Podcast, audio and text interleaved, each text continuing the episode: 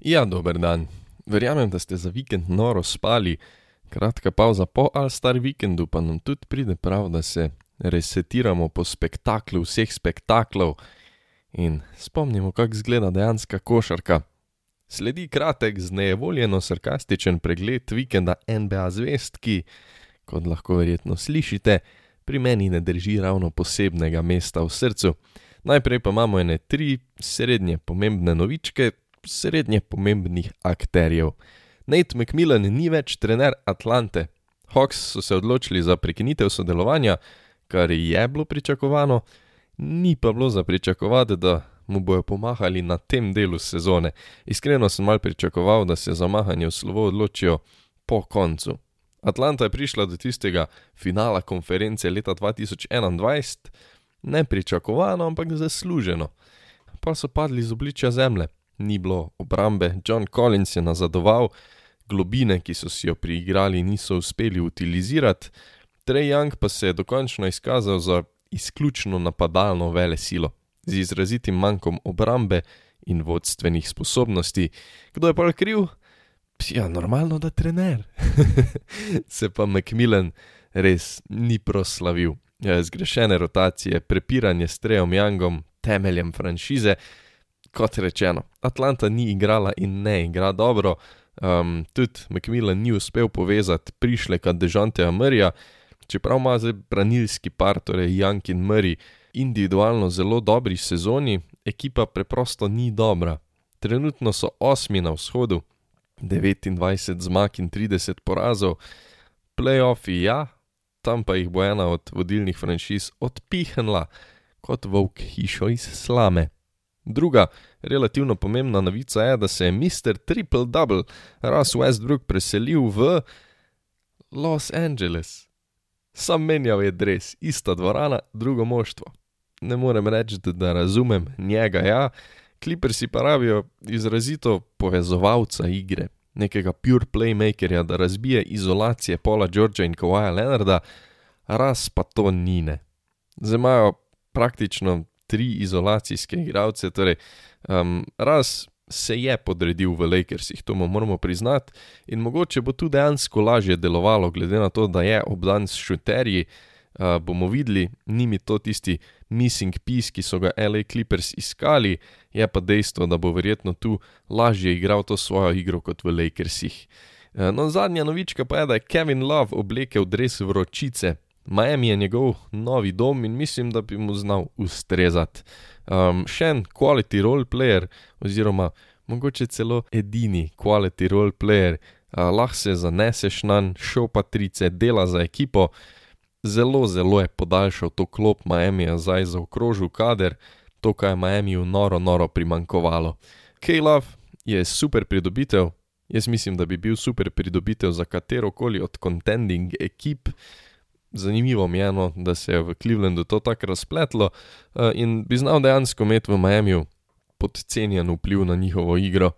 Uh, no, zdaj pa smo tam, ko nismo nikjer, na vikendu zvest, kjer so bili meni osebno najbolj ubitačni trenutki med posamezniki, torej benter superzvezdnikov, uh, daleč od tega, da bi bili to dogodki in pa sama prireditev. Uh, bomo preleteli, no, ker se res ne mislim dolgo o tem pogovarjati, ker veliko o tem sem se že pogovarjal.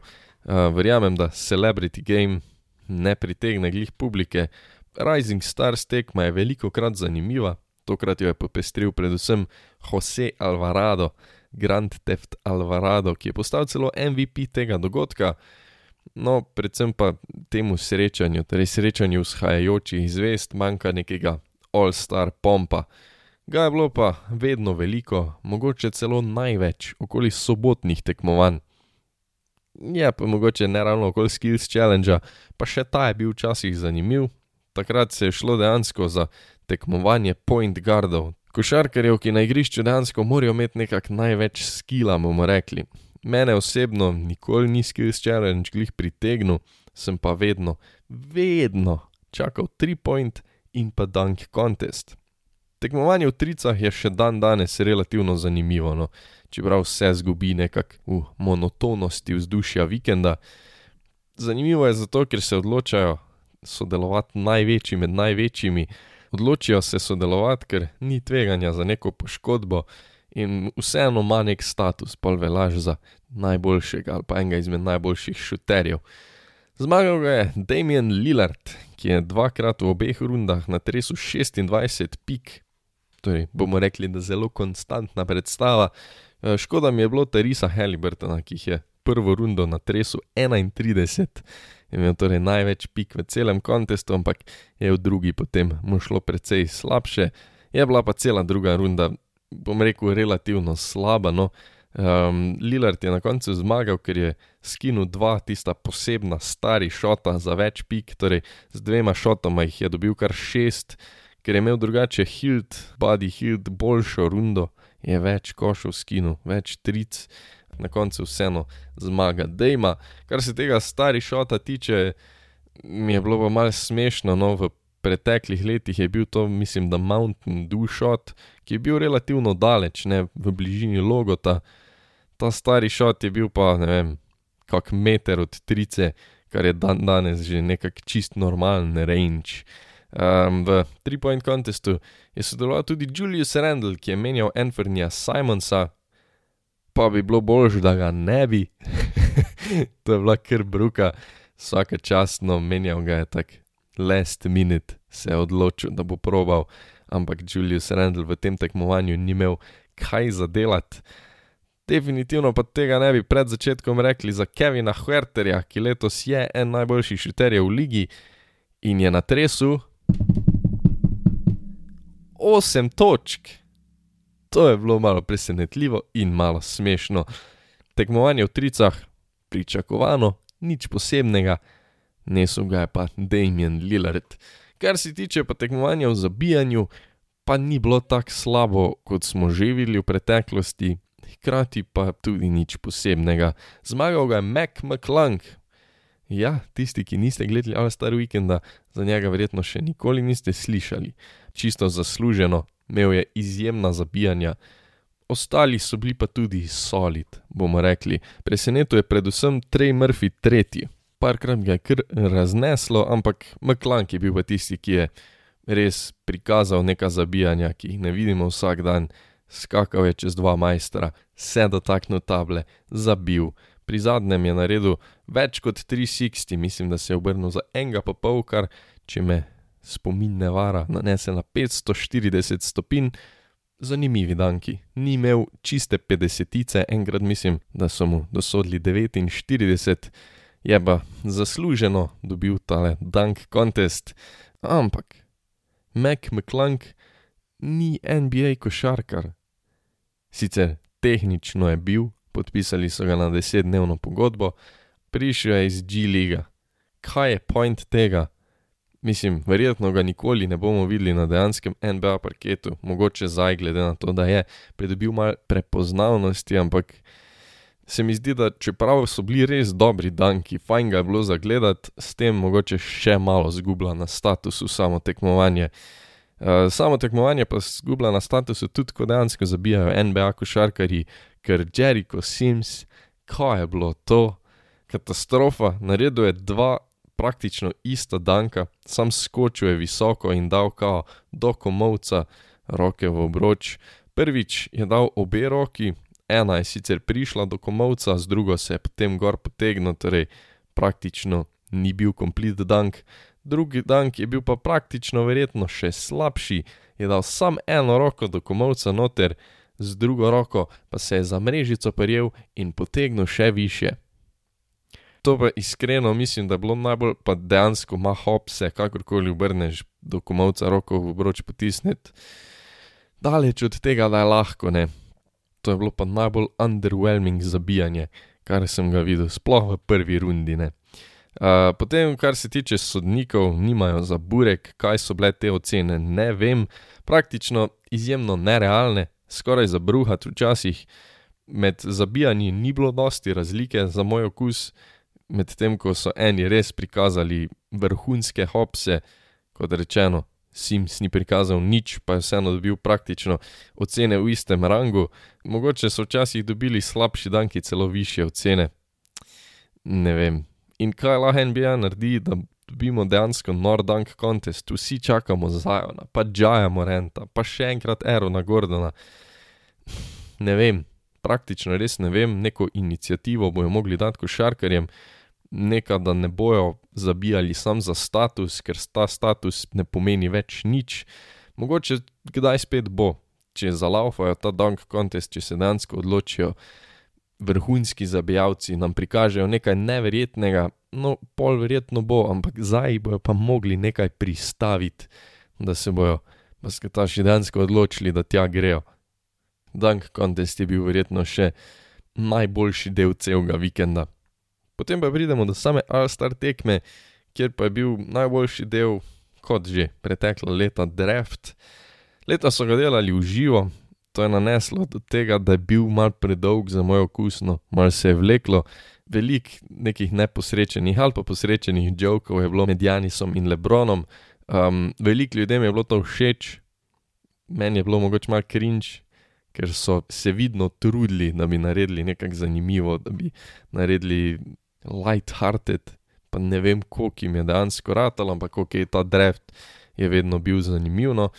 Zanimivo je bilo na koncu pri starterjih, ko je Jokič ostal na odru samo še z Laurijem Markanenom in se je kar ustavil, pa šel k Lebronu, ker ne bo pikan zadnji.